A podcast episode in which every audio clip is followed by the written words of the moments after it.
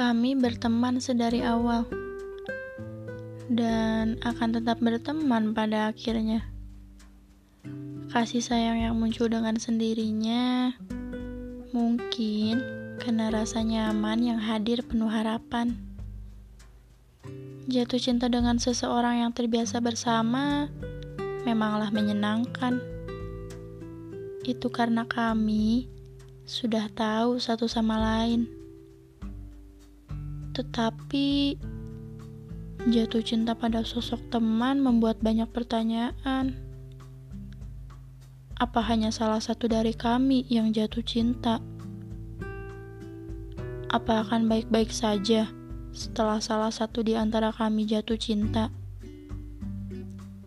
Aku rasa aku belum siap untuk membicarakan itu. Membicarakan hal-hal yang di luar pertemanan kami karena aku takut membuat kami menjadi berjarak. Belum lagi jika nyatanya nanti dia mencintai orang lain.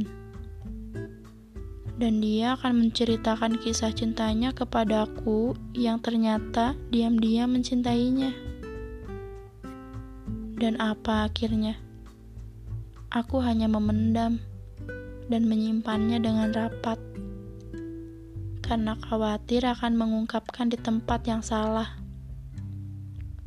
Atau memang seharusnya tidak usah lebih dari sekedar teman.